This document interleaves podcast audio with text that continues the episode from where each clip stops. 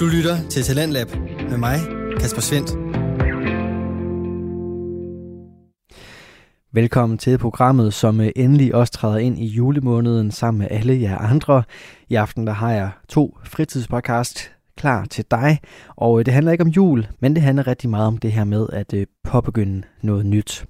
For vi starter med afsnit 1 fra podcasten Kvindeliv, som øh, har sin debut her i programmet i aften. Det er Verden Laura Grupp, som fortæller lidt omkring hendes rejse ind i podcastverdenen. Derefter så skal du høre fra Amatør, en podcast med Søren Jørgensen og Rune Bug Sørensen, som i aftenens afsnit har besøg af deres gode ven og håndværker Anders, som øh, fortæller lidt omkring den her forskel, der egentlig er på professionelle og amatører. I hvert fald når det kommer sådan til nybyggeri. Og øh, den forskel lyder blandt andet sådan her. Da vi, tror det cirka 14 dage efter, der kom betonbilen, der var der lagt øh, flamingo ud, lavet kloak og gulv. el og sådan noget. Ja, og alt var lavet og rivnet på. Det mener du seriøst og så stod vi jo, ikke? Så stod vi med det her store firkantede rum, hvor der så 14 var et, øh, et stort, lækkert, nystøbt betongulv på. Jeg føler mig, Shit. Anders, som den største taber på den her jord. Det er lidt senere i aften, at du kan høre mere omkring forskellen på professionelle og amatører, når det kommer til nybyggeri. Men vi starter i aften med en debutant, i hvert fald her i programmet, og øh, det er podcasten Kvindeliv med verden Laura Grupp. Podcasten Kvindeliv, den øh, kan måske godt sådan rent titelmæssigt i hvert fald henvende sig mest til kvinder, men mit argument er, at vi mænd også kan lære ufattelig meget af podcasten her. For øh, mens Laura hun i aften dykker ned i hendes egen historie, så byder podcasten altså også på mange andre vinkler på det at være kvinde, og øh, blandt andet den biologiske sådan gennemgang, den øh, kan du glæde dig til at høre mere om. I aften der skal du have afsnit 1, som er tilbage fra december 2020, og øh, det siger selvfølgelig sig selv, at der siden da er kommet mange episoder til, så der er altså nok at undersøge, efter du har hørt aftens afsnit. Men det er altså episode 1, du skal få i aften, og den handler omkring vores vært. Vi skal have en intro til Laura, og øh, selvfølgelig også få en begrundelse for opstarten af podcasten her. Så øh, lyt med her, og så øh, får du altså en intro til Kvindeliv.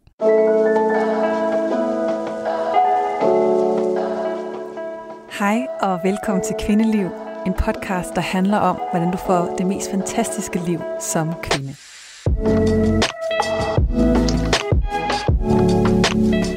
Velkommen til den allerførste episode på Kvindeliv. Jeg hedder Laura Grupp, og jeg har glædet mig så meget til at kunne gå i gang med at dele den her podcast med dig. Fordi det er den allerførste, og du måske ikke, øh, måske kender du mig, måske kender du mig ikke så godt, men så tænkte jeg, at jeg vil bruge den på lige at introducere mig selv, så du lige kunne lære mig lidt at kende, hvem er det, der sidder bag den her podcast, og også fortælle lidt om, hvorfor jeg startede den her podcast. Så, så det er emnet for i dag. Og jeg har faktisk også en sådan særlig overraskelse til allersidst, så bliv endelig hængende til vi slutter. For at fortælle dig lidt om, hvem jeg er, og hvorfor jeg arbejder med det her emne, så skal jeg tage dig med på en tur tilbage til Bali. Og nu ved jeg ikke, om du nogensinde har været på Bali, men det er sådan en ret eksotisk destination, der er sådan rigtig varmt, og der er den her by, sådan cirka midt på øh, Bali, den her indonesiske ø, eller halvø, tror jeg, hvis man kalder det, som øh, hedder Ubud, og der er der rigtig mange sådan spirituelle, alternative også bare turister, der, der valgfarter til. Og det gjorde jeg også. Jeg havde nemlig set den der film Eat, Pray, Love. Jeg ved ikke, om du kender den, eller læst bogen. Og jeg tænkte, det er præcis det, jeg skal. Så, øh, så jeg, jeg endte simpelthen øh, på Bali. Jeg skal nok uddybe lidt mere om, hvorfor. Men det, der skete, det, der var ret afgørende for, for det, der skete efterfølgende i mit liv, var, at et par dage inden jeg skulle hjem, så havde jeg tilmeldt mig en workshop med en af mine yndlings yogaundervisere ved The Yoga Barn, som er det her mekka for yogainteresserede. Og den her workshop handlede omkring kvinders cyklus og hormoner, som jeg intet anede om på det tidspunkt.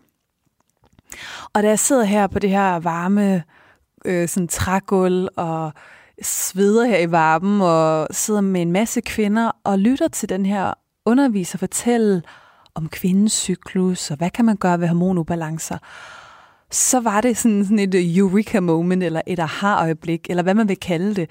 Men sådan et, et af de der øjeblikke i ens liv, hvor at det her, det er en game changer. Det ændrer et eller andet, fordi det føltes så rent og så klart og så intuitivt, at jeg tænkte, for det første tænkte jeg, hvorfor har jeg ikke hørt om det her før? Og så tænkte jeg, det er nok bare mig. Og, øh, og hvad der så skete, var jeg kom hjem til Danmark og fandt ud af, at det var bestemt ikke kun mig, der ikke havde hørt om det, og det begyndte så hele min undervisning i det. Men inden jeg overhovedet var nået her til Bali og sad og fik den her, det her øjeblik, hvor at lyset ligesom gik op for mig, så var der en grund til, at jeg var endt der egentlig, nu ved jeg ikke, hvor langt jeg skal tage dig med tilbage, men, øh, men lad, os, lad os starte sådan med min studietid i hvert fald. Jeg læste på, øh, i årene inden det her skete, der læste jeg på CBS, på Copenhagen Business School, som det hedder. Jeg øh, havde også læst i Aarhus, og jeg var sådan enormt karrierefokuseret man tror, jeg vil kalde det en 12-talspige, men ikke kun 12-taller på studiet. Jeg havde også et meget sådan, profileret studiejob. Jeg var med i toptalentnetværker. Jeg var med i festivalet, jeg havde en kæreste, og jeg var bare sådan, det kørte rigtig hurtigt og rigtig stærkt for mig. Og øh, jeg var på det tidspunkt 27, og det tempo kan man køre med i en vis tid, men når så nogle ting begynder at gå galt i ens liv, så knækker man. Og, øh, og det gjorde jeg også. Øh, på det tidspunkt havde jeg en australsk kæreste, og, og han kunne ikke blive landet, og det, det gjorde mig enormt ked af det. Samtidig skete, så fik jeg mit første job, og der skete en masse omrokeringer der, og fyringsrunder, og jeg fik mere og mere ansvar, og lige pludselig, så, så, så bukkede min krop fuldstændig under. Og jeg, jeg glemmer aldrig det, det øjeblik, øh, det tog mig et år før jeg indså det, og så det vil sige, at jeg har været udsat for rigtig, rigtig, rigtig meget stressbelastning. Og det øjeblik, jeg mødte op til min, øh, min stresscoach, som, øh, som jeg har holder meget af, som er virkelig, virkelig dygtig. Og det øjeblik, hun så mig, hun bare sagde, Laura, du har meget, meget alvorlig stress, og du skal sygemeldes lige nu. Eller jeg vil på det kraftigste anbefale dig, at du sygemelder dig. Det var så vildt et skifte at gå fra at være sådan en øh, høj, eller hvad hedder i hvert fald, øh, en med enormt meget fart på, og lige pludselig erkende, at jeg var faktisk ikke så, så stærk i øjne, som jeg troede, øh, og jeg også kunne gå ned med stress. Det troede jeg kun var alle de svage, der gjorde det. Det var lidt den, min indstilling var dengang. Jeg gik i hvert fald ned med stress, og det blev den største gave i mit liv, øh, fordi det var den, der fik mig hen på den her rejse. Jeg var sygemeldt i et år, og, øh, og da jeg sådan kæmpede mig op til overfladen igen, jeg blev også fyret, fordi jeg kunne ikke vende tilbage til det job, da jeg var kommet op til overfladen, så øh, bookede jeg en flybillet til, øh, til Nepal først. Det var min egen hjemmestrikket øh, Eat, Pray, Love-rejse. Jeg skulle starte med at trek i Himalaya-bjergene. Så tog jeg til Thailand, boede der, og så endte jeg simpelthen her på Bali. Og det blev fire måneder med yoga og med spiritualitet og med sådan, hvordan, hvem er jeg og hvilket liv vil jeg leve? Og, øh, og da jeg så boede på Bali og mødte alle mulige spændende mennesker, så tog jeg også hen til medicinmand, og det er jo det er også sådan noget, man gør. Jeg tog også til en håndlæser og alt muligt. Og, øh, og der fik jeg sådan en, øh, en besked fra den her medicinmand, der prikkede lidt øh, til min tær. Han snakker ikke så godt engelsk, men han var sådan, you have hormonal imbalance. You should eat fish oil.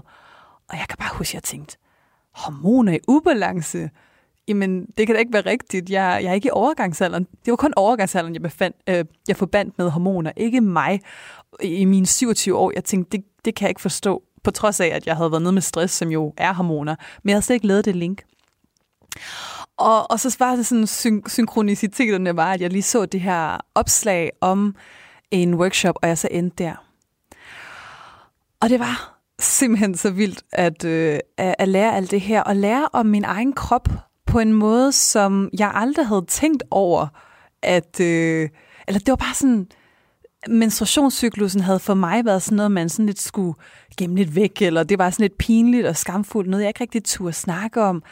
Jeg havde meget sent fået min menstruation, og, og, og, men, men havde bare levet med sådan lidt, at, at det, selv for min kæreste, kan jeg huske, var sådan, tog jeg nærmest ikke sige ordet menstruation. Så jeg havde altid haft et lidt anstrengt forhold. Så det, det føles helt underligt. Det var mig, der sad til en workshop om det her, og kom hjem til København og var sådan til alle mine veninder, har I hørt om det der med cyklusen og de fire faser?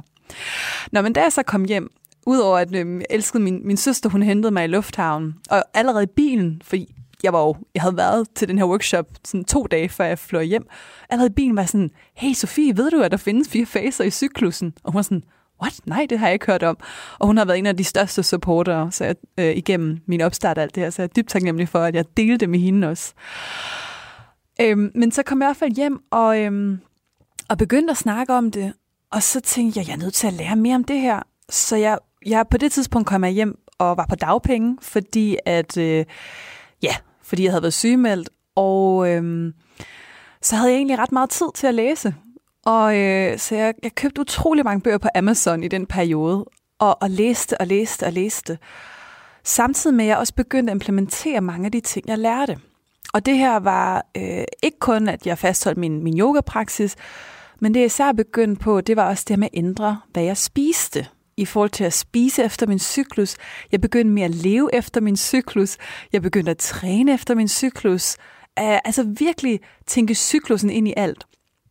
Og nu er jeg sådan tidligere projektleder, altså jeg læste noget, der hed Service Management, og jeg var i job som projektleder, så jeg gik jo helt Excel-nørd i den, og lavede Excel-skemaer over, hvordan jeg kunne leve efter min cyklus. Og det er ikke sådan, I behøver at gøre det nødvendigvis. Det var måske lidt ekstremt, men det ligger lidt til mig nogle gange, at sådan gå all in på ting. Men det, der så skete, og jeg glemmer det aldrig, den første måned, hvor jeg begyndte at leve efter min cyklus, og sådan spise og leve mig til hormoner i balance, så begyndte min krop at forandre sig. Jeg havde indtil da troet, at jeg var sådan en meget øh, ustabil, usikker type, øh, meget grødlabil, fordi det havde jeg været i kraft af min stresssygemelding, og jeg havde fået at vide, sådan, du er sådan en meget ængstelig og særlig sensitiv person. Og det er da nok rigtigt nok, at jeg er det mere i forhold til andre. Men det jeg opdagede var, at det var fordi min krop var ekstremt øh, stresset af den mad, jeg spiste at fordi jeg fik så mange hurtige kulhydrater og, og ikke rigtig fik så nærende mad, jamen så, øh, så var mit, øh, altså mit blodsukker var enormt ude af balance. Og det øjeblik, jeg fik det stabilt, så blev mit humør stabilt. Og jeg tænkte, hvorfor er der aldrig nogen, der har fortalt mig det? At vi snakker masser om slankekur og hvordan man skal spise i forhold til det, men det her med, hvordan det påvirker humøret og hele sådan den der indsigt med, at at hormonerne kan påvirke hinanden indbyrdes. Det er ligesom om lige pludselig begyndte jeg at se, at det hele hang sammen. At det, jeg spiste, påvirkede, hvordan jeg havde det psykisk, og den måde, jeg trak vejret på, påvirkede det også, og hvordan jeg sov, og hvordan jeg tænkte.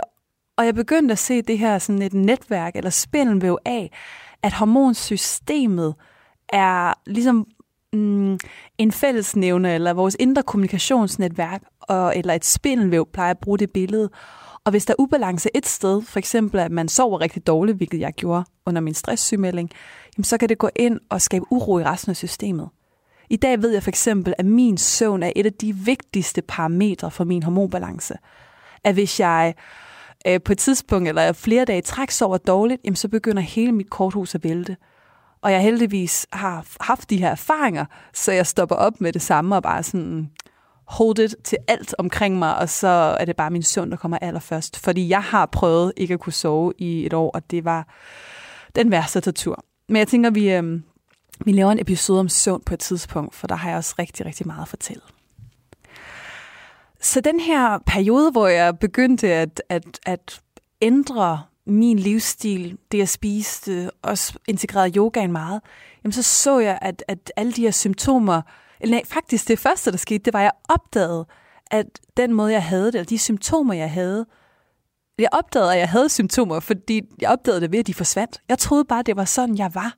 Og det vildeste var det der med, at lige pludselig forandrede jeg mig, og opdagede, Gud, Gud, det var faktisk en ubalance. Så jeg vidste ikke engang, at jeg havde hormon i ubalance, selvom den der balinesiske medicinmand, han kunne se det meget tydeligt på mig. Så jeg begyndte simpelthen at sove bedre, mit humør blev bedre, jeg fik mere overskud, sådan pænere hud, den her tendens til ømme bryster forsvandt, og men, men det vildeste ved det, en ting var, at alle de fysiske symptomer forsvandt. Det var jo skønt, og jeg fik mere energi. Men det, der skete, det var, at det skrællede ligesom alle de her lag af, der havde taget så meget energi fra mig, og havde fyldt så meget. Så lige pludselig kunne jeg begynde at mærke mig selv. Jeg kunne mærke min egen intuition. Jeg havde pludselig overskud til at dykke ned i, jamen, hvem er jeg? Hvad vil jeg egentlig? Fordi det var ligesom om, der var ikke så meget larm derhjemme, og, eller derinde på sådan, i min krop. Så nu kunne jeg sådan stille mere skarpt ind på mine fornemmelser. Og det var faktisk noget, noget af det bedste, nemlig at jeg, jeg kunne virkelig fornemme mine egne behov. Men altså, det var også sådan helt øh, sådan lavpraktiske ting, som jeg begyndte at tabe mig. Altså min, min vægt regulerede sig. Jeg ved ikke, om, om, om du har kæmpet med vægt, men det har jeg sådan set, siden jeg var teenager. Og nærmest haft sådan et, havde kærlighedsforhold til min krop, hvor jeg hele tiden, altså det var sådan noget, og hvis jeg spiser en plade chokolade, så skulle jeg i fitnesscenteret dagen efter, hvor at det var sådan meget strafbaseret. Og pludselig fik jeg et helt andet forhold til mad, i forhold til min krop. Jeg begyndte at elske den og se, hvor fantastisk den var med det her hormonsystem, der, der, der regulerede det. Og jeg begyndte at tænke mere i, hvad har jeg egentlig brug for? Hvad kan jeg mærke, at min krop har brug for? Og det kan godt være, lad mig give et eksempel fra i dag, hvor jeg egentlig booket mig ind på en yoga-team, og så kunne jeg mærke, det har jeg ikke lyst til. altså, det kan godt være, at yoga er godt og sundt, det så jeg i hvert fald 100% enig ind for, men jeg, jeg gad egentlig ikke. Og så i stedet, jeg gik jeg en tur, og så, så lå jeg på sofaen og så Netflix. Så det var det der med, at jeg gik fra at have sådan et meget kontrollerende og anstrengt forhold, både til min krop og til det, jeg spiste, og til min træning, til at have et mere sådan fleksibelt, nærværende, nærende og øh, forhold, hvor jeg mere til udgangspunkt i, hvad fornemmer jeg, jeg har brug for. Altså jeg brugte virkelig meget min intuition. Og det er det, jeg synes, der er så fascinerende ved, ved den her måde at gå til, gå til det på, fordi det slipper lidt alle reglerne. Og det er også det, jeg mange gange hører fra mine kursister, som er med. Øhm, de fortæller sådan lidt, jamen, jamen, kan det være rigtigt, at jeg bare må gøre det, jeg har lyst til? Hvor jeg sådan, ja, det må du, fordi at det den eneste måde, du kan fastholde de her gode vaner, det er ved at lytte ind til dig selv og fjerne det her øhm, anstrengende forhold, mange af os går rundt med. Nå, men øh, fordi jeg havde set alt det her, hvad det gjorde ved mig, så tænkte jeg, okay, jamen, jeg er nødt til at lære mere om det her, for jeg, jeg, vil, jeg følte lidt, jeg havde fundet guld her i, at, at, at, at hvis, hvis det var så enkelt og så nemt, så ville jeg gerne ud at vise det til andre. Så jeg tænkte, jeg må tilbage til der, hvor jeg hørte om det. Så jeg tog simpelthen tilbage året efter til Bali, til min underviser, og startede på hendes uddannelse. Og, og det var to ugers intensivt øh, selvudvikling, som sådan noget jo ofte er. Øhm, og hvor jeg simpelthen lærte en hel masse om, om, øh, om yogaen. Så jeg blev simpelthen øh, yoga-lærer, eller yoga, i, lærer i yogaterapi. Jeg havde også en spansk ven, der boede i Canggu, sådan en strandby på Bali. Alt det jeg foregik på Bali. Og jeg tog ned og besøgte ham, og efter, øh, efter uddannelsen. Og øh, han var i gang med at starte øh, sin, sin egen virksomhed op til at være business coach. Og han ville gerne hjælpe andre med at starte virksomheder. Og han sagde, ej Laura, skal jeg ikke lige øh, lære dig, hvordan du gør det? Og jeg var sådan, nej, det skal du ikke. Det kan jeg godt love dig for. Jeg er alt for øh, ængstelig til at køre en virksomhed. Jeg kan ikke klare den ustabilitet. Og han blev ved med at punke mig øh, den her uge, hvor jeg besøgte ham. Og til sidst sagde jeg, okay, fint. Han var sådan, kom nu, lad os bare tage en smoothie bowl, og sådan, som man gør på Bali. Og så sagde jeg, fint, lad os gå ned og sætte os på den her fine balinesiske café og drikke en, eller tage en smoothie. Og så hit me, du får en time. Og den time, ligesom den workshop, jeg var til, det var en game changer. For pludselig fik han mig til at indse, at, øh, at jeg kunne da sagtens starte en virksomhed. Og måske kunne jeg faktisk få det liv, jeg gerne vil have, ved at leve på den måde. Jeg kan ikke huske, hvad han sagde, men jeg gik i hvert fald derfra og var sådan, ej, det kan jeg jo faktisk godt. Men jeg havde ikke helt besluttet, at det skulle handle om cyklusen endnu, for jeg havde sådan lidt et, en, en sådan udstrakt arms forhold til det. Jeg, jeg tænkte lidt, jamen, jeg er jo ikke læge, jeg er jo ikke sådan sundhedsfaglig uddannet. Jeg er uddannet ved CBS, og nu er jeg altså også, også yogalærer. Men så kan jeg jo ikke undervise i det her med, med cyklusen og hormoner. Så, øh, så det jeg i stedet gjorde, det var, eller jeg, jeg havde tre idéer. Jeg havde tænkt, at jeg kan undervise lidt i stress, eller jeg kan undervise i selvkærlighed. Og så er der den her joker med cyklusen, men det går jo ikke. Men da jeg så, jeg begyndte simpelthen at undersøge markedet for at finde ud af, hvad, hvad der egentlig efterspørgsel på. Og der så jeg, når jeg researchede på min projektleder maner, at der var kæmpe efterspørgsel på viden omkring hormoner og cyklusen, og der var ikke særlig mange, der tilbød det, hverken på verdensplan, men særlig heller ikke i Danmark. Og så tænkte jeg, jamen Laura, du er nødt til at gå ud og undervise det her. Det kan godt være, at du ikke føler, at du ved nok, men du er nødt til at starte, og så må du lære det hen ad vejen. Så øh, det her, det foregik, tror jeg, i efteråret 2016, og så holdt jeg mit første foredrag i januar 2017. Jeg lånte simpelthen øh, klinikken fra min stresscoach, inviteret på Facebook, og så mødte der omkring, jeg tror det var 18 kvinder op, Og vi sad der, og jeg begyndte at fortælle om, sådan lever du efter din cyklus. Og det var endnu sådan en milepæl i min rejse, fordi der skete et eller andet der. Jeg sad med de her kvinder, og jeg kunne for det første mærke, hvor nysgerrige de var, ligesom jeg havde været på det her. Det var lidt, nu stod jeg i min, i min lærers rolle, og gav dem den oplevelse, jeg havde haft. Jeg kunne se, at de, at de havde øh, det på samme måde, og jeg fik simpelthen så mange spørgsmål, som jeg ikke kunne svare på. Og så tænkte jeg, jamen, jeg er nødt til at holde flere af de her foredrag, jeg er nødt til at lære endnu mere. For hvert foredrag, jeg holdt, og for hver spørgsmål, jeg fik, blev jeg klogere og klogere. Og jeg fandt også ud af, at det var ofte de samme spørgsmål. Så jeg var ligesom, jeg, jeg lærte øh, rigtig, rigtig meget i den periode. Jeg holdt cirka et foredrag om måneden hele 2017. Du lytter til Radio 4. Du er skruet ind på programmet Talent Lab, hvor jeg, Kasper Svendt, i aften kan præsentere dig for to afsnit fra Danske Fritidspodcast. Her som den første er det fra Kvindeliv med Laura Grupp. Hun er debutant her i aftenens program, og øh, netop det her med at være ny, er det, som hun giver en intro til i aftenens afsnit, for du kan her høre lidt mere omkring, hvordan hun er kommet frem til at dykke ned i det her emne omkring kvinde og den biologiske gennemgang af kroppen, og selvfølgelig også lidt en opstart på podcasten. Hør med videre her. Og så var det sådan, øh, som det jo er, at mine dagpenge begyndte at løbe ud. Og øh, så stod jeg sådan lidt, hov, øh, hvad gør jeg nu? Jeg havde egentlig en backup-plan, men, men på det tidspunkt, øh, det gik ikke lige. Og øh, så, øh, så tilfældigheden vil have det, at øh, der landede simpelthen et kursus via min coach hos mig, i hvordan man laver online-kurser. Og jeg tænkte, det er det her. Helt intuitivt. Nu kunne jeg jo mærke min intuition. Jeg kunne bare mærke, det er det der, jeg skal gøre. Det er den eneste løsning. Jeg kom til at skuffe nogle folk, kan jeg huske, fordi jeg havde booket nogle lokaler, men det var sådan en, jamen jeg er nødt til at gøre det her. Og så øh, havde jeg ikke engang lavet mit første online-kursus. Jeg havde filmet et modul, men i januar 2018 satte jeg mig bag skærmen, havde kørt Facebook-annoncer, og øh, over 1000 kvinder havde tilmeldt sig mit webinar. Og de mødte op, og på mit første online-kursus, jamen, øh, der var der, jeg tror, omkring 30, der meldte sig på. Og så var vi ellers i gang. Så fik jeg travlt, og så byggede jeg mit første kursus, der hedder Kvindekendt i en cyklus, som er et fireårs kursus om at leve efter de fire faser i cyklusen. Og det, der så skete på det kursus, var, at jeg fik en hel masse spørgsmål om, ikke kun at leve efter de fire faser, men også om, hvad kan jeg gøre ved PCOS? Hvad kan jeg gøre ved fertilitetsproblemer? Hvad kan jeg gøre ved overgangsalderen, stofskifte, akne? Alle mulige hormon, ubalance eller uregelmæssig cyklus, kraftige menstruationer, alt sådan noget.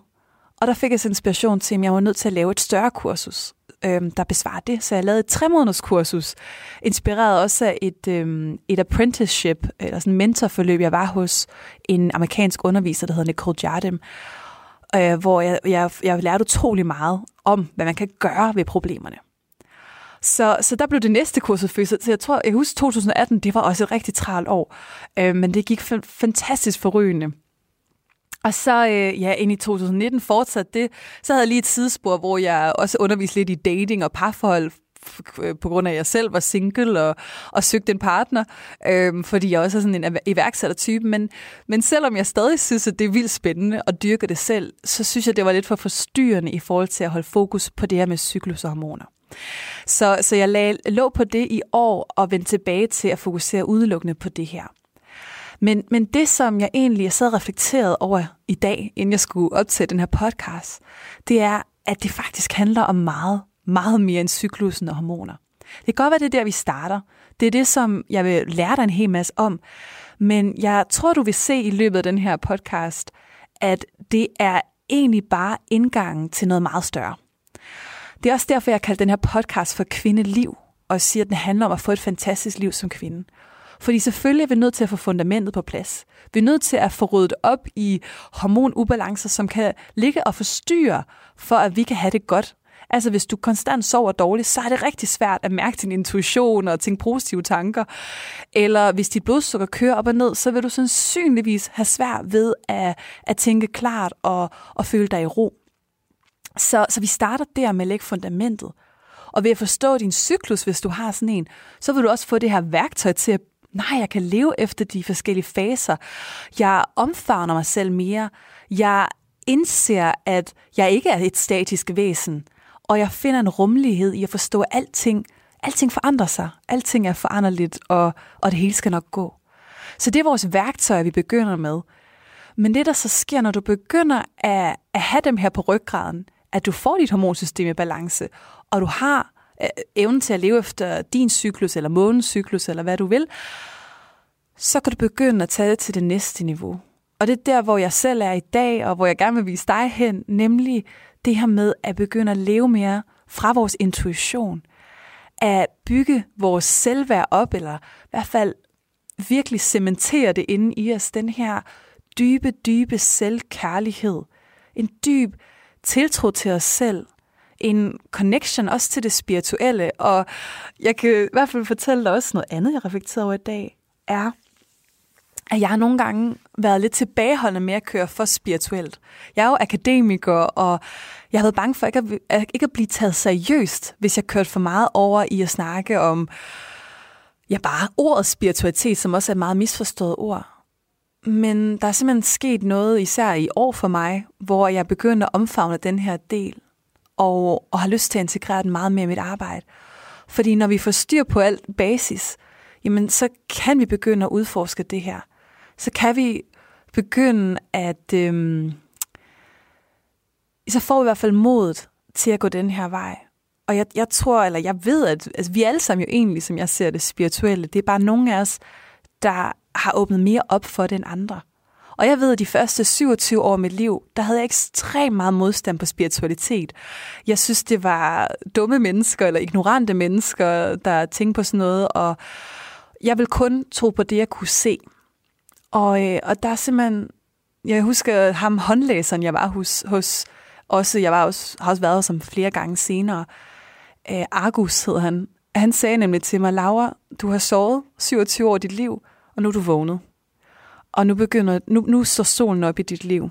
Hvilket jeg synes var så smukt, fordi at det var sådan, jeg havde det. Mit liv forandrede sig radikalt, der ved jeg gik ned med stress, og at øhm, jeg kom herhen til, hvor jeg er i dag. Og det er det, hele fællesnævneren fra, fra det øjeblik i mit liv, det var jo nemlig hormoner. Altså stress er jo hormoner. Det er stresshormonet kortisol, det handler om. Jeg vidste det bare ikke dengang. Og jeg synes, vi snakker så meget om stress og om velvære og slankekur, men der er ikke så mange af os, der snakker om hormoner, eller der er i hvert fald ikke så mange af os, der forstår, at de spiller ind i det hele. Hormoner påvirker din søvn, din vægt, din hud, din hår, dit humør. Altså det hele hænger sammen. Og, og det er ikke kun, vi skal ikke kun kigge på kroppen og, og medicinere den, synes jeg i hvert fald. Det skal vi selvfølgelig gøre, hvis vi er syge og hvis vi har brug for det.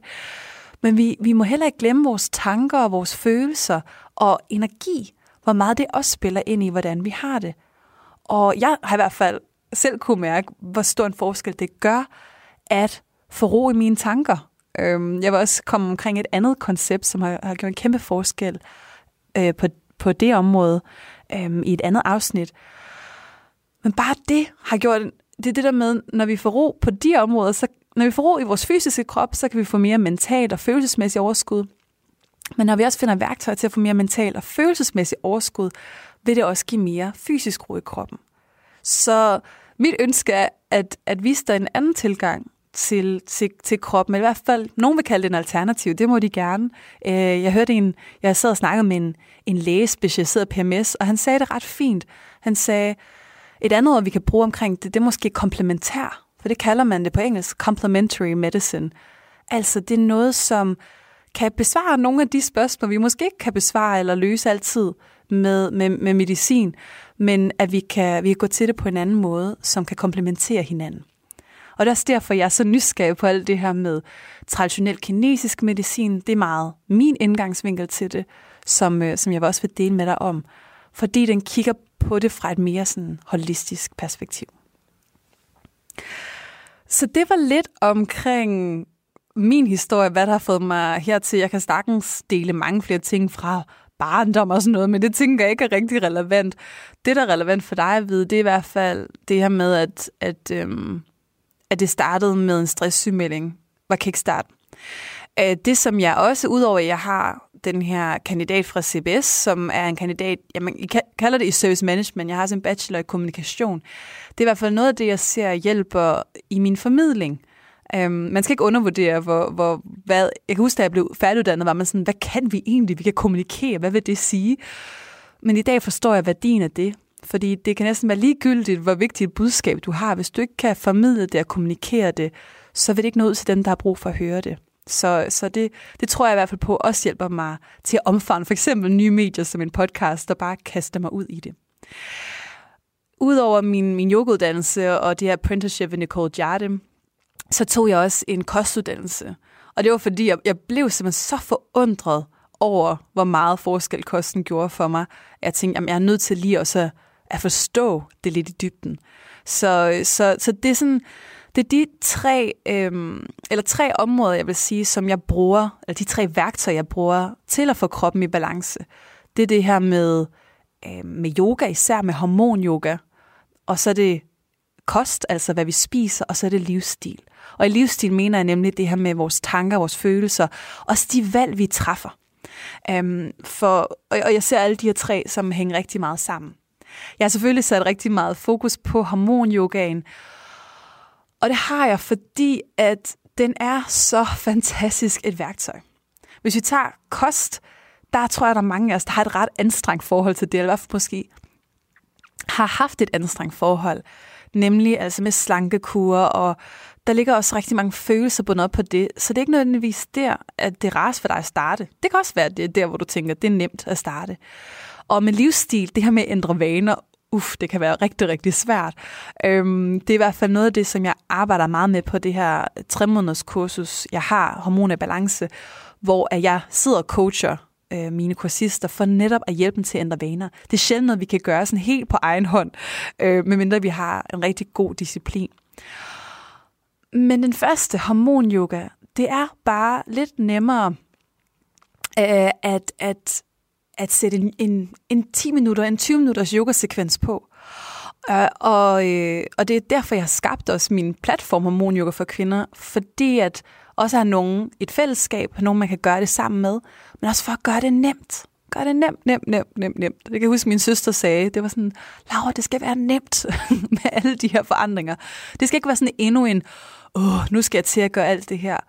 Og det er også det, jeg gerne vil vise dig i løbet af den her podcast, at det behøver ikke at være svært at få hormoner balance. Det kan godt være, at nu sagde jeg selv, at jeg gik til det med sådan en meget projektlet attitude.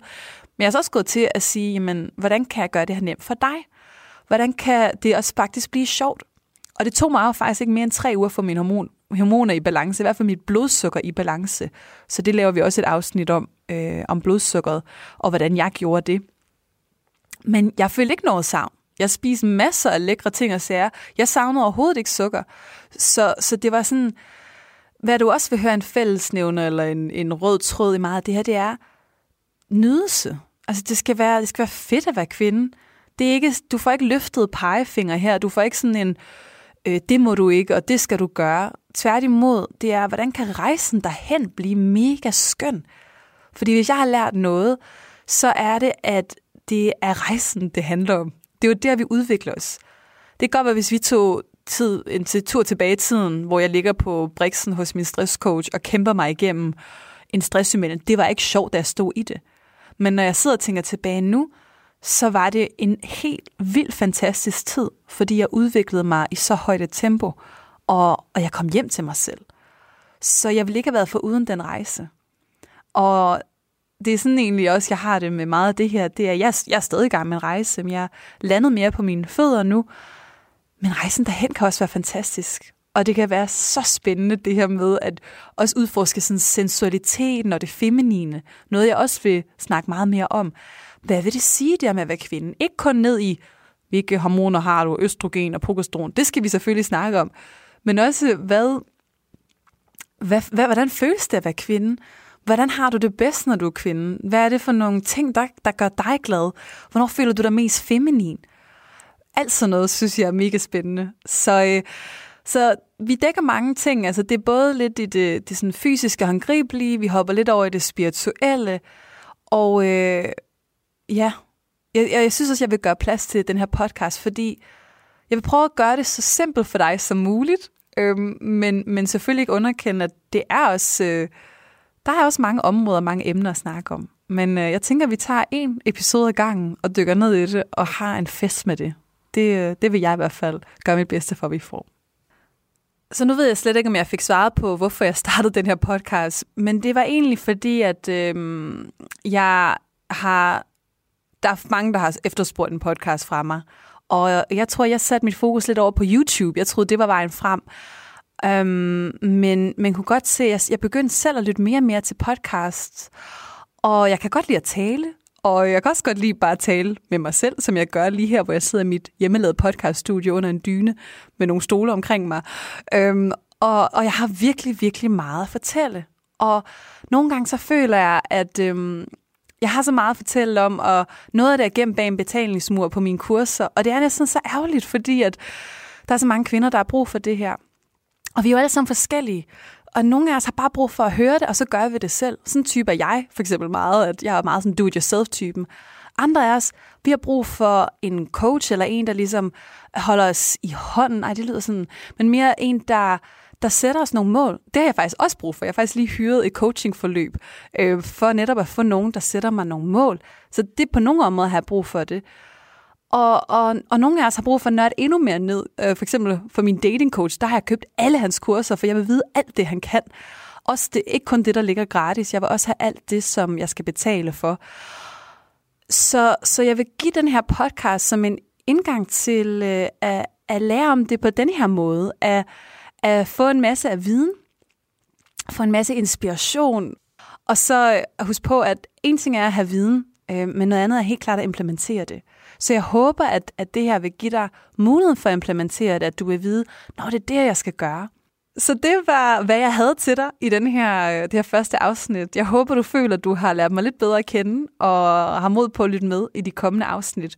Der dykker vi ned, mere ned i facts og cyklus og hormoner. Alt det, som det skal handle om. I hvert fald, tak fordi du lyttede med, med her i dag. Hent endelig cyklusguiden. Jeg lover dig, at den vil også åbne dine øjne. Måske på samme måde, som, øh, som det jeg sad der på Bali, og ellers så vil det næste afsnit helt sikkert gøre det. Jeg glæder mig til at optage flere afsnit til dig. Tak fordi du lyttede med.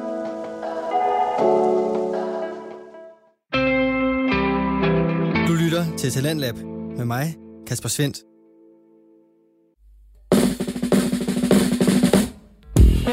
Du lytter til Amatør.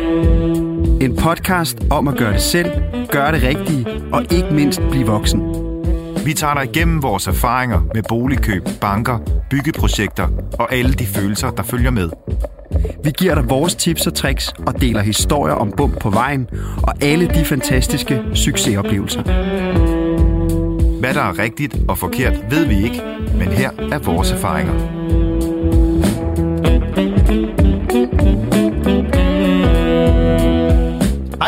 Hej Søren. Hvad så? Velkommen til. Tak i lige måde. Har du det godt? Har du det godt? Ja. Nå. Har du fået bygget noget? Jeg har fået lagt gulv på første salen. Nå. Har fået malet det hele. Jeg så det faktisk godt på, på Instagram. Det så ret fedt ud. Det var det også. Øh, Er det ikke dejligt? men- Jo, men alt ser jo fedt ud på Instagram. Det er rigtigt. Og jeg har stadig ikke mere energi tilbage. Nej. Så Nå. lad os bare få gjort det færdigt. Ja. men øh, Vi har, vi, har, vi, vi har en gæst, ikke jo. Og en længe ventet gæst, ikke fordi han ikke kunne komme, men fordi vi rigtig gerne ville have ham med. Og det er Øh. der flere årsager til, at vi gerne vil. Ja. Det er ikke sikkert, at Anders kender årsagerne. Nu har jeg nævnt dit navn. Ved du, hvorfor vi gerne vil have dig med? Nej. Fordi du er sådan en flot fyr, Anders. Nej, det var fordi, du er... Ej, Rune, vi bliver nødt til at gøre det sådan her, at du laver dit oplæg. Ja, okay. Ikke? Det er det bedste. Ja, det er det bedste. Fordi så ved lytteren også, hvem det er. Er du klar? Ja. Anders Rasmussen er 30 år gammel og bor på Midtfyn med sin kone og to børn. Hvis man nogensinde er i tvivl om, hvad Anders laver til daglig, skal man bare kigge på hans store overarm, og det er ikke fordi han er tyk, men bare en meget stærk murer. Han er jerndød dygtig til at sætte fliser pænt op, og hvis man ønsker det, kan han snit lave en fasan ud af klinker i din bruseniche. Derudover er han en utrolig god livline under Rones ombygning og en dejlig ven af huset. Og i dag er han, får han endelig lov til at svare på, hvordan det egentlig er at være en ægte håndværker. Velkommen til, Anders. Du. Uhuh, var det ikke en flot øh, præsentation? Meget... Øh... Kan du lave en fasan ud af klinker? Ja. det, er nok, det vil nok tage lidt tid at skære det til, men jo, i teorien kan det lade sig gøre. Det er ikke noget, du gør så tit. Nej, jeg har engang lavet en Mickey Mouse. Nå, Okay. Men du er jo, du er jo faktisk helt hjernedød dygtig til badeværelser. Det er en af mine favoritdiscipliner. Ja. okay. Jamen, det er også meget fedt at have sådan en, tænker inden for et øh, faget. Jeg ved ikke, om tømmer har sådan en eller anden favorit, men det er jo, er det ikke meget rart at kunne specialisere sig i noget? Jo, fordelen ved det er, at, at du bliver eftertragtet på en anden måde, fordi du Nå. kan lave et stykke kvalitetsarbejde i overklassen. Ja, eller til overklassen. Okay. Så når du kommer ud til en kunde, hvor kunden har været ude og vælge nogle fliser til måske 6-8.000 kroner kvadratmeteren, så er det meget rart, at det ikke er en nybegynder, der skal være fire forkert. Ej, fuck, gud, jeg vidste ikke, man kunne få så dyre kling. Fliser. Det kan man. Ja, ja. Nå, hold kæft, mand. Nå, det har jeg, Ja. ja. det har jeg derhjemme. Ja, Nej. Du er så stjernerig. det er rigtigt, det havde vi glemt at nævne. Men øh, Fuck, hvor vildt alligevel. Ja, fordi man kan, man kan jo godt forestille sig, altså personligt, hvis jeg skulle være murer, ikke? Altså, først synes jeg, det lyder meget tungt. altså sådan rent fysisk tungt. Altså, vi har nogle hjælperedskaber, men det er et af de fag, som der stadigvæk hænger meget i bremsen med, med løftemidler og hjælpemidler, fordi alt, hvad vi laver, det er jo altså, basisk håndværk, Ja. og tingene bliver bygget op fra bunden med små ja. enheder som mursten, klinker. Ja. Alt bliver blandet og bort i, øh, i spanden indtil, hvor vi skal bruge det. Ja. Kørt med en smart mover, der kører på el eller et eller andet, men du er stadigvæk nede og ligge på din knæ Ja. for at lave det fysisk. Ja. Du har ikke en maskine, der lige kommer og fikser det for dig, du bare lige tager sig det ind i. nej, og de der poser med fliseklæb, øh, de flytter heller ikke sig selv, eller tænker jeg, altså, Nej, men Det- det bliver der så arbejdet en del på nu, at, Nå, vi, okay. at vægten den skal ned i dem, men det er jo så fra os håndværkere. Vi kan ikke rigtig se formålet med at pille 5 kilo ud af en pose, for at vi så skal tage to poser i stedet for en. Nej, nej. nej. Fordi det er jo, så får du to buk med færre kilo, men Ja. du får flere slidende gentagelser. Ja, det er Nå, selvfølgelig gud, rigtigt. ja. Det er rigtigt. Men det er arbejdstilsynet, og de har deres idéer om, hvordan at vi Ja. bliver mindre slidt, og så må vi jo så prøve at forklare det modsatte til dem. Okay, så du siger faktisk, at arbejdstilsynet ikke altså, er helt med på beatet, altså i forhold til, hvad I egentlig foretager jer. Jamen, ja, både og, fordi de, de har jo en eller anden beregning på, hvor, hvor meget kroppen den bør bære i forskellige positioner. Hvis du tager 90 grader ud for kroppen, så må du maks bære 25 km da. Hvis du så er lærling og under 18, jamen, så må du bære det halve af en voksen. Nå, okay. Hvilket så egentlig sætter os nogle gange lidt udfordringer, fordi vi må mure op til skulderhøjde med en almindelig mursten, og de vejer i omegn af 2-2,5 kilo stykket. Ja, ja. Når vi så har en lærling, og vi må som Svend tage 2,5 kilo i skulderhøjde, mener det er, i strakt arm. Okay. Der rammer vi så lidt problem, når vi har en lærling med, fordi hvis han er under 18 Ja. og skal lære at mure, så må han ikke løfte en mursten i den højde. Nej, jamen, hvor er det åndssvagt. Det er sådan lidt nogle ting, der modsiger sig selv i, øh, i, i deres regler. Der kan Ja, okay. okay. jeg allerede nu bare sige, at det er meget nemmere at være amatørbygger, øh, bygger, fordi der er faktisk ikke lige nogen regler, øh, har jeg fundet ud af. Nej, man må Det er også derfor, det jeg har, jeg har fanden nede med ondt alle mulige mærkelige steder. Det kan jo være, fordi jeg ikke gør noget rigtigt. Eller glemmer, øh, glemmer at strække ud. Men apropos knæ, ikke? noget jeg er blevet glad for under ombygning, det er min øh, øh, pissegode arbejdsbukser med, med pissegode D3O øh, knæbeskyttere indeni, siger jeg bare. Er det ikke godt at have? Du kan jo få mange forskellige... Bruger Altså, du ikke knæbeskytter, eller bruger du bare din øh, solide muskel? Øh, Nej, masse? altså vi har selvfølgelig øh, knæbeskytter på, men, ja. men i vores fag der er det jo igen, øh, hvis du har... Jeg har lige gået på et projekt, hvor vi har lavet øh, lige knap 60 badeværelser. Ja. Så det er jo så tre måneder at trække, hvor det bare er nede på knæene og lave gulv. Ja. Der er det næsten ligegyldigt, hvad fanden du egentlig får. På et eller andet tidspunkt så bliver det også tæret op, og Ja, ja. så ja. bliver din, det stadigvæk... Øh, Altså, altså trykket på knæene, selvom det er blødt, det tryk, så er det jo stadigvæk et tryk ja, på og så knæene. er stadigvæk altså, vægt ned i knæene. Ja, det er jo det. Altså, Altså- Men man, man, lærer, man lærer med tiden at finde nogle behagelige stillinger, hvor man kan sige, at du sådan ikke, ikke Ja. ja. aflaster de steder oven på selve knæskallen. Ja, selvfølgelig. Fuck, ja. Ja. men, men gud, der er mange ting, man skal tænke Jamen, over. noget, jeg lige, altså 60 badeværelser, det er også noget, der lige hæftede mig ved. Det Men har vi i vores nye hus, det har 60 bader. det er fedt, hvis det var et hus, du lavede med 60 badeværelser. Det skulle være et meget stort hus. Ja. Jamen, Anders, jeg kunne godt lige tænke mig, at du har arbejdet som murer en del år og sådan noget, og, men hvor, øh, øh, hvor bor du hen af? Og hvad, hvad, bare lige for at høre Og om hvad bor egen- du i? Ja, hvad bor du i, og din egen lille private situation?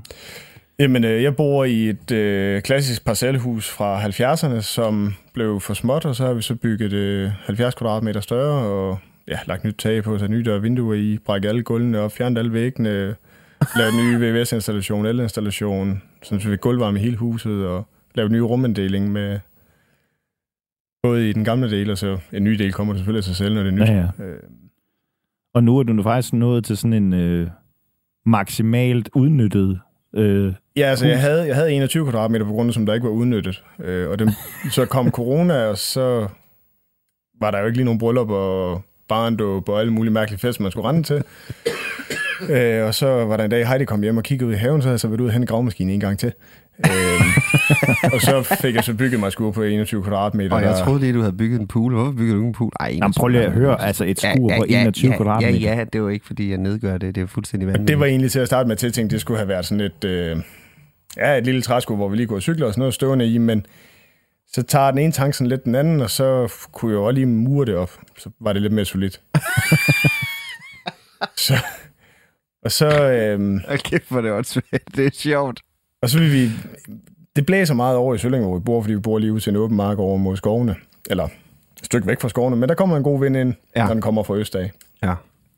Og så øh, kom vi til at snakke om, det går fint at have en form for lægehegn. og så sad jeg og kiggede på nettet og fandt nogle forskellige priser på, hvad koster og sådan noget komposithegn og sådan noget. og Det er jo stjernesindssygt dyrt. Ja. Og så regnede jeg sammen, hvad kunne jeg bygge det for i mursten. Og det var markant billigere, så jeg byggede 14 meter lang havemur øh, til lige at afskærme på vinden. Sådan. Men det er jo også, fordi du kan. Det er jo ikke noget problem Ja. for dig. Det er hårdt jo. Jamen, det er også sjovt. Det er jo en hobby. Ja. Men er det Altså, ikke... Altså, jeg, jeg har et arbejde, er min hobby. men det, så det, Det er er noget, fandme jeg, en fordel. Nu- Altså, Ja, og på et Om tid, det er vi- det. Ja. Vi skal snart ind til, en- altså vi skal også høre om for, øh, vi har dig jo egentlig i studiet, fordi at vi skal både udfritte dig om vores håndværkerfordom, og du skal lige Forsvare også, ja.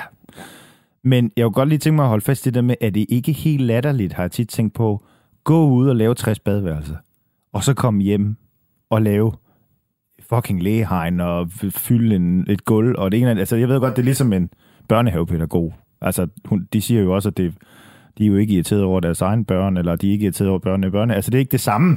Ved du, hvad jeg mener? Men er, er det jo, har du Jamen, bare tror, pisse du, meget du skal energi? se det. Du, ja, altså det, jo, det har jeg jo nok, fordi, men, men du skal se lidt som om, at selvom du har gået og taget billeder hele dagen som fotograf, Så har jeg ikke lyst til at tage billederne. så når dine børn de ligger nede på gulvet og ser søde ud, så finder du lige en mobiltelefon frem for at tage et billede for lige at få evigt det sekund okay. der. At det er, jo noget, det er jo noget, jeg gør, fordi at det kommer min familie og mig selv til gavn. mm. Ja. Så, så derfor så er der et andet, et andet gear at køre med, når Ja, man så ja. har fri. Og så har du ikke noget problem i at gøre det. Altså, mener, Nej, det er altså, ikke en det- svær opgave for dig. Nej, altså det, det, det ligger jo inde på ryggraden Ja. og, og måle ud til det, sætte det af og Ja. køre gravmaskiner for gravet fundament ud. Ja, Og, ja. Ja, ja, ja, ja, som virker uoverskueligt for os andre. og så men det er bygger, rigtigt, altså. bygger håndværker generelt billigere end amatører. Ja. Fordi du kan tage sådan nogle eksempler, som du vælger altså at betale for en container Ja. til alt det skralder. Ja. Den container kommer til at koste hvad, 1000 kroner per ton. Ja, ja, sådan en Ja, fyldt er container, sådan, er container med et hus nede i koster jo 5-6.000, ikke? Altså, afhængig af hvor Hvis du bare havde sorteret det, så brokker, det koster rundt regnet 60 kroner tonnet, og brandbart, det ligger til omkring 120 kroner tonnet. Og brandbart, den indebærer nok 80% af det, du har smidt i deponi, men i og med, at du har smidt brokker i, og lidt isolering, du bare kunne have puttet i en plastikpose, og så nøjes med at køre isoleringen væk, så kunne du faktisk have, Jamen, se. ja. Så kan man lige have sparet. ja, få en tiende del af prisen Ja. øh, på din container. Jamen, altså. Men det, og, og, og det er fuldstændig rigtigt. Der, der er så mange ting, at man, man kunne lære, men det er jo også... Altså, jeg tror, fordi man ikke gør det der som amatør bygger, altså, vi skal lige, og så skal vi lige have så til, altså simpelthen fordi man kan ikke overskue det. Altså, man kan simpelthen ikke overskue processen. Tror jeg. Ja, Nå, altså, processen bliver også tung, fordi at når man er amatør, så, så skal man hele tiden lære den nye måde at gøre det på. Det er det. Hvor, hvor hvis, hvis du i det daglige er håndværker og ved, hvordan fungerer en byggeplads, hvordan fungerer sammensætningen af et byggeri, Ja. hvor starter du hen, hvor stopper du hen, hvad er det første, du gør, Ja. hvad er det næste step, Ja. hvornår er du færdig, Ja. du lægger en tidsplan for det. Ja. Altså, da vi renoverede vores hus første gang, der kiggede vores bank. Første gang. det er sjovt. Nå, jamen, det, jamen, det er noget, jeg blev f- øh, godt fire år gammel, før jeg gjorde det en gang til. Okay. Jamen, Og altså der var nogle vægge, der stod forkert, og så ville, ville vi godt have stuen nede i den modsatte ende, hvor vi havde værelser, og Ja. så byggede vi til, og så ville vi egentlig gerne have værelserne ude i tilbygningen. Ja. Ja, jamen så lige pludselig, så, så var der stuen nede i den anden ende, og så havde vi fjernet de mure væk en gang til. Jamen, for fuck, man. okay, jeg synes, det er virkelig sjovt. Men, men det er igen det der, men det er jo sådan en... Nå, men Det er, som du også selv har nævnt, med at du bare vælter en væg. Min fordel er bare, at jeg bygger også bare en væg. Ja, ja, ja, Ja. Altså, ja. jeg rejser den Ja. Bare lige igen, når den er væk. Ja, men det er rigtigt. Ja, du ved, hvad der skal til. ja, ja, ja, men jeg er med, jeg er med. Nå, men hvad, der, ved første byggeri, så første ombygning, der lavede du en tidsplan, eller? Ja, altså der, der gik vi jo selvfølgelig, ligesom I også snakkede meget om det her med, hvor, hvor ligger økonomien henne i at købe et hus, hvor køber man et hus henne, Ja. øh, hvad kan man få for de penge, man nu engang tjener. Ja. Øh, og øh, ja, jeg var som mur, Heidi hun var øh, hjemmehjælper på det tidspunkt. Ja. Øh, så det var ikke, fordi vi havde nogen sådan vanvittig indtægt. Nej. Men vi kunne gøre rimelig meget med et hus, fordi vi kunne lave meget af det selv. Ja. Så vi gik så i banken og sagde, jamen, øh, jeg har den plan her, øh, og vi har kigget på det hus. Og så øh, sagde de så, jamen, øh, det huset koster 600.000, det var et billigt hus. Ja, ja. Fordi vi skulle kun bruge i bund og grund grund. Ja, ja, ja. Og så siger banken, det er fint, men vi skal have et budget på det, og du må prøve på at komme med en beskrivelse og forklaring på, hvad er det, du vil med det her hus? Fordi Ja. det, du sidder og fortæller os nu, det, det, det kan vi ikke overføre til noget brugbart til kreditforeningen. Okay. Okay. Jamen, så gik jeg hjem, og så fandt jeg en blyant og en lineal og et stykke papir frem, og så tegnede jeg som et hus, som jeg tænkte, vores hus, må jeg hellere sige, hvis der hun hører det. øhm, Det gør hun. Ja, højst sandsynligt.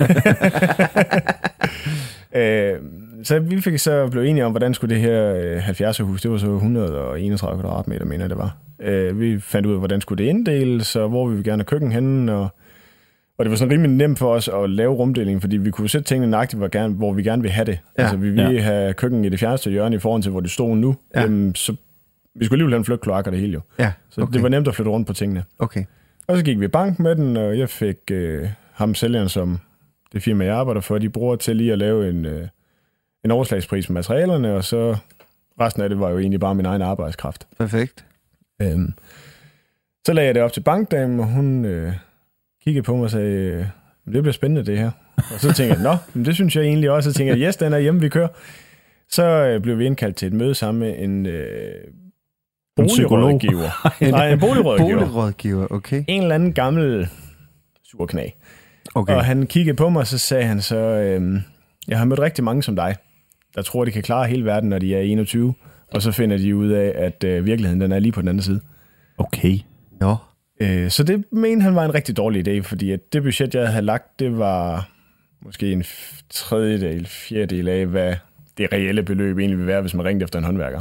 Okay. De vidste ikke, du var murer, eller hvad? Jo, men det kunne kreditforeningen ikke som sådan tage højde for, fordi hvis jeg nu faldt ned fra Silas tre dage efter, vi købte huset, så, øh, Ja, ja, okay. Øh, så sagde jeg så til vores bankdame, det er, det er lige meget, vi skal bare have, have tilsendt de fornødne oplysninger, så vi kan skifte bank. Nå, okay. det var bare over. Sådan, sådan var det. Så Ja. måtte vi jo bare skifte bank, fordi jeg, sagde, altså, jeg, ved jo, jeg vidste jo, det kunne lade sig gøre at lave det til de penge der, fordi Ja. vi havde jo priserne fysisk Ja, ja. på materialerne jo. Ja, ja, det var sådan set det eneste, du skulle bruge. Ja, ja. Ja. Øh, og havde priserne på el-produkterne Ja, okay. og så videre ja, også. ja, ja. VVS og gasfyr, og hvad vi ellers skulle hen og sætte ind i det gamle hus. Ja. Øhm. Og så, øh, jamen det så skrev, øh, jeg skal huske, hvad fanden hun hed, det må vi så heller ikke sige jo. Nej, hvad med at sige det? Jamen det, det, vil hun, øh, det vil hun lige finde ud af. Så gik der så et par dage, og så skrev hun mail igen, at øh, hun ville egentlig godt lige give det en chance til. Nå.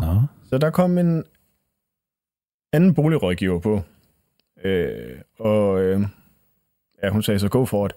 Nå, Og så, så, gik vi jo, så fik vi jo så sat det her i stand og, og gjort det klar, og vi havde så fra, jeg tror det har været i, ja vi havde så tre måneder, så vores tre måneders overtagelse på huset. Ja. Så vi havde tre måneder til at få sat det hele i system og gjort det klar. Jeg fik lavet tidsplan, alle de håndværkere, der nu skulle på, Ja. folk jeg kendte, som der skulle være med i det. ja, ja. De fik at vide, jamen den dato, der er vi nået dertil, og den dato, der er vi nået dertil, og når vi rammer den 15. november, vi overtog huset 1. august, Ja. øh, 15. november, der, er vi flyt, der kommer flyttebilen med tingene, for der skulle vi være ude af vores lejlighed. Shit. 1. august til 15. november. Ja, tre og en halv måned, og Wow. der, der, der var rimelig mange, der sagde til mig, det, det kan ikke lade sig gøre. Det, det kan det ikke. Så bliver du stedig, og så siger du, det skal jeg det kraft Det, det, det skulle bevises, det kunne det. Øhm, Fuck, man. og, den, Arbejder man effektivt? og vi overtog så huset 1. august, og ej, vi fik det faktisk tre dage før. Øh, og jeg havde sådan, nu, var- det blev sådan lidt en principsag for mig, at nu var der nogen, der sagde, at det kunne ikke lade sig gøre at gøre det fra 1. august til 15. november, så derfor så ventede jeg om med at gå i gang til 1. august. Radio 4 taler med Danmark. Det var aftenens første del af podcasten Amatør og afsnittet med håndværker Anders. Det er de to værter Søren Jørgensen og Rune Buk Sørensen, som står for at øh, tage den samtale, og den kan du høre videre på i aftenens næste time. Men først så skal vi gøre plads til dagens sidste nyhedsoverblik. Det kommer din vej lige her fra verdens bedste nyhedsoplæser.